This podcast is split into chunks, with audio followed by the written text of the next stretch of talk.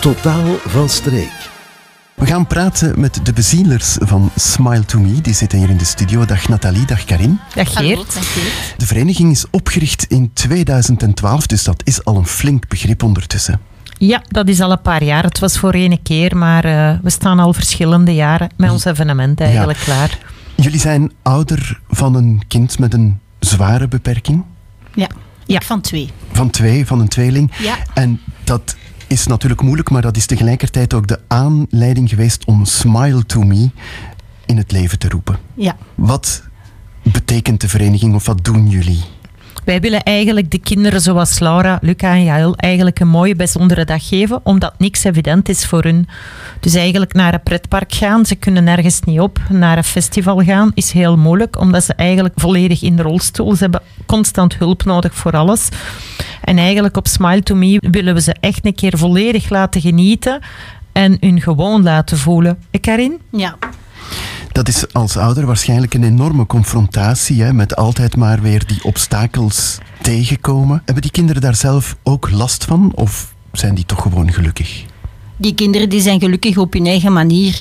De meesten beseffen het zelf niet, maar aan hun glimlach zien wij wel dat zij blij zijn. En vandaar komt ook Smile, van Smile to Me.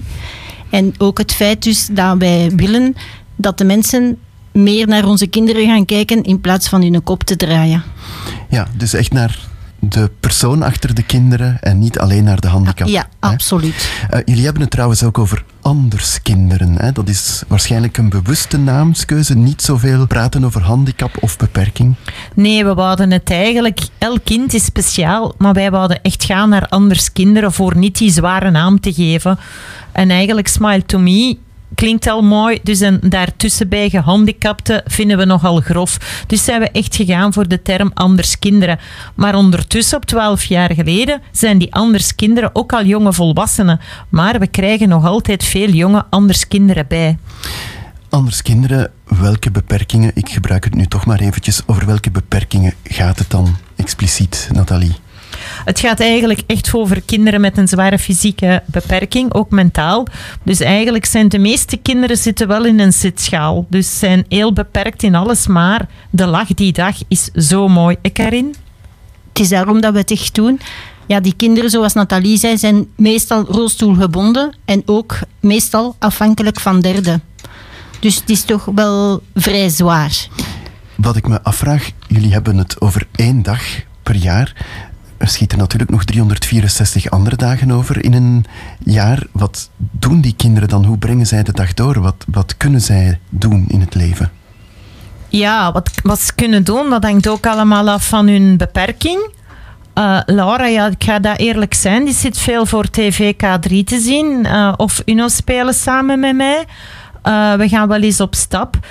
Maar ja, de meesten gaan dan ook naar school waar ze hun tijd. Maar het is heel moeilijk om die kinderen eigenlijk wel iets aan te bieden. Maar tegen hun spreken en er zijn voor hun. En muziek is altijd wel heel mooi voor de kinderen. Zij worden volwassen, hè? dus als je ja, praat over kinderen, dan is het in die zin eenvoudig dat ze gewoon thuis opgroeien. Kunnen zij als volwassenen ook ergens terecht in een dagcentrum? Of is dat ook Ja, moeilijk? Ik ga nu spreken van mijn kinderen, dus die zijn 21.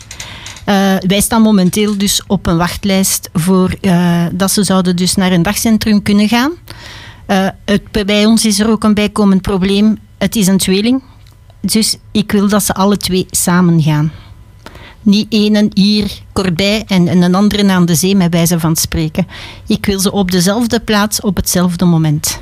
Ja, zeg maar Nathalie. Ja, en Laura, eigenlijk zit zij al twaalf jaar eigen- eigenlijk op internaat, maar zij komt wel in het weekend naar huis. Dus ze heeft jaren eigenlijk in Landegem gezeten en nu zit ze in Inhoven. En de maandag doe ik ze weg en de vrijdag ga ik ze halen eigenlijk. Eh, ik werk dan ook in de week en Laura is niet de persoon om constant bij mij te zijn. En dat komt niet goed eigenlijk. Ze is een te pittig karakter ook. Hè. Ja, Ze dat is dus het verschil met die van mij. Die zijn graag thuis. Die zijn graag Ja, thuis. en ik heb mijn werk opgegeven voor om bij hen te zijn. Ja, dat wou ik nu eigenlijk Ja. vragen. De impact op het leven van een moeder of van een gezin, dat kan in sommige gevallen immens zijn. Hè. Werk opgeven, ja, dan verlies je ook een stukje inkomen. Het is allemaal niet zo evident. Ja, ik heb mijn inkomen nu niet verloren, omdat wij dus een PAB-budget hebben gekregen. En ik ben nu uh, assistente geworden. Maar uh, de impact was dus voor dat PAB-budget enorm op mijn gezin. Ik, moet, ik heb vier kinderen in totaal. En ik was er niet meer voor mijn twee grotere kinderen, omdat ik, ja, ik stond in het onderwijs. Ik had nog heel veel werk voor het onderwijs zelf voor te bereiden thuis, uw huishouden. En dan is er dan ook geen tijd meer voor uw kinderen. Dus, dus het ziekenhuis, uit school, uw huishouden, uh, het echt allemaal verdelen, dat was heel moeilijk voor mij. En dan hebben wij de beslissing genomen dat ik hun assistent zou worden en mijn werk in het onderwijs zou opgeven. En ik heb daar nog geen minuut spijt van, want mijn twee oudste jongens zijn mij daarvoor dankbaar. Mm Ik werk halftijds, omdat ik niet anders kon omdat eigenlijk toch wel de zorg in het weekend groot is. En de, Laura moet je ook de maandag en de vrijdag wegdoen. En het geeft wel een impact in je leven. En uiteindelijk, als ze jonger zijn, is het niet gemakkelijk. Maar als ze ouder worden, denk je ook, wat als wij niet meer kunnen? En die vraag, we hebben het er in de week nog over gehad met Karin. Allee, dat, daar beginnen we toch wel over na te denken. Wat als? Maar ja, dan zien we stap per stap zeker. Mhm. Ik ken veel ouders die kinderen hebben met een beperking en dat gaat soms moeilijk. Kwestie van aanvaarden, schuldgevoel. Het is misschien een beetje een moeilijke vraag, maar hoe zit dat bij jullie? Maar aanvaarden leert je, maar aanvaarden doe je nooit. Je moet het leren aanvaarden. En Carina en ik hebben in de week ook gezegd, heeft ons eigenlijk, klinkt misschien raar, wel een rijkdom meegegeven in het leven. We staan veel sterker in het leven. Hé Karin? Ja. En jullie vinden steun bij elkaar, hè? Ja, we, kennen el we hebben elkaar leren kennen in de bijtjes vroeger, nu Inkendaal op de parking. We hebben veel andere ouders leren kennen. Maar het wordt dikwijls vergeten hoe moeilijk dat het is. En dat is, ja, het is maar gewoon eigenlijk. Soms zou, het ook een keer fijn zijn, amai, je doet het goed, maar het lijkt maar gewoon wat we doen gewoon je fiets pakken, dat vind ik wat ik meeste mis. Als gewoon mijn fiets pakken in het weekend en een keer weg kunnen, dat gaat gewoon niet. Jullie hebben een, eh, een liedje zo dat, dat heel erg op de, op, op de VZ2 wordt, wordt geplakt. Hè? Laat de zon in je hart. Jullie hebben daar ook een, een eigen tekst op gemaakt. Zijn er al wat lijntjes van die tekst terug tevoorschijn gekomen?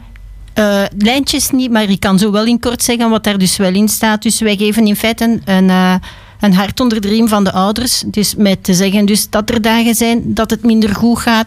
En dat ze dan zeker niet mogen vergeten dat ze er niet alleen voor staan.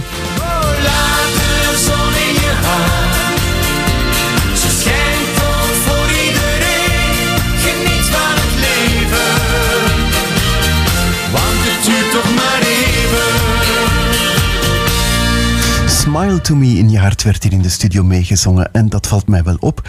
Jullie lachen eigenlijk ook nog heel veel. Ja, waarom niet? Het leven staat niet stil. Ik denk dat wij ook meer kunnen genieten nog van de kleine dingen. Dat is waar. Ooit waren wij gewoon eens gaan wandelen en wij konden een café binnen. Ik voelde mij precies een klein kindje dat wij een boswandeling eens konden doen en gemakkelijk een café. Ik denk dat wij veel meer genieten van de kleine dingen. Wij gaan ook niet zo direct beginnen te stresseren over dingen. Zoals gewoon een banaal. Je gaat naar de kapper en dat kapsel is veel te kort. En die kapster die begint daar van... Oeh, ik zeg, ja, maar sorry, maar er zijn veel, veel ergere dingen in mijn leven dan dat mijn haar te kort is. Jullie kunnen heel veel relativeren. Ja, dat hebben we ondertussen geleerd. Hè. Ja. Op 28 oktober is het weer zover. Hè? Dan gaat er weer een spektakel door, Nathalie. Ja, de Foute Party Special. Dus dat is echt een dag volledig aan hun noden. Uh, volledig alle spektakel. Zij worden ontvangen van Karin met haar zus in volledige magnifieke outfit. Elk jaar spannend, want ze lossen niks. Ze hebben al Borin geweest, stewardess, dus dit jaar. Ik vraag het mij af. Surprise, surprise. Ja. En daar eigenlijk worden ze onttaald, Karin. Daar, uh... Ja, wij doen dus het onttaal van die kinderen. Ondertussen, ja, na zoveel jaar kennen we de meeste kinderen. En dan wordt het al zo een keer een beetje persoonlijk, omdat ja, we volgen ze ook op Facebook en zo. En dan weten wij van, oh, die is ziek geweest. We kunnen daar een keer naar vragen, hoe is het nu en zo. Ook een, een woordje met de ouders en zo. En dan, dan uh, geven wij hen dit jaar een cadeautje. Ja. We gaan wel niet vertellen wat het is. Want het cadeautje dat eigenlijk wordt gesponsord van de Lions Club. Ja. Mhm. Ja. En van daaruit vertrekken de kinderen, dan worden ze verkleed. Als ze niet van thuis uit verkleed zijn, gaan wij ze verkleden dit jaar. En dan eh, worden ze klaargestoomd In, uh, bij het Crazy Cap Salon mogen ze geschminkt worden en al de rest. Hè. En of dat kapsel dan een beetje te kort is, dat maakt niet uit. Ja, dat maakt niet uit. Dat is echt een circuskapsel, maar daar stopt het niet bij, Geert. Dus eigenlijk is er dan nog massageruimte. Je mocht ook altijd komen, Geert, als je massage wilt, geen probleem. Ja, want aan mijn kapsel is niet veel meer te doen. Ja, ja maar, maar dat kan altijd een kleur op. Hè? Ja, die kunnen dan ook. Ze. Uh, er is ook een snoezelruimte, want onze kinderen kunnen heel fel gespannen zijn. Dus prikkels is heel erg bij hun. Dus kunnen ze eigenlijk naar een snoezelruimte. En daardoor zijn we ook eigenlijk veranderd van zaal naar Merselborre, omdat we met verschillende compartimenten, verschillende zalen werken. Massageruimte gaat apart zijn, snoezelruimte. Dan gaan er ook workshops doorgaan met muziek, dus muziekinstrumenten, dat eigenlijk nu van Smile to Me zelf zijn. En dan eigenlijk in de theaterzaal, daar gaat eigenlijk uh, een clown komen. En dan gaat er ook een klank- en lichtspel met danseressen bij, met lasershow. Eigenlijk wel indrukwekkend eigenlijk. Ik zou zeggen, zeker de moeite om eens langs te komen. Iedereen is welkom. Ik zou het zeker doen. Smiletome.be, daar kunnen de mensen je vinden. En op 28 oktober in de Merselborre. Wanneer gaan de deuren open? Vanaf 12 uur staan wij paraat. En de foutenparty duurt tot? Tot 18 uur. Tot 18 uur, dus van 12 tot 6. Een groot spektakel. Nathalie, Karin, mag ik jullie heel erg danken voor dit fantastische interview. Jij ook, Geert, dank u.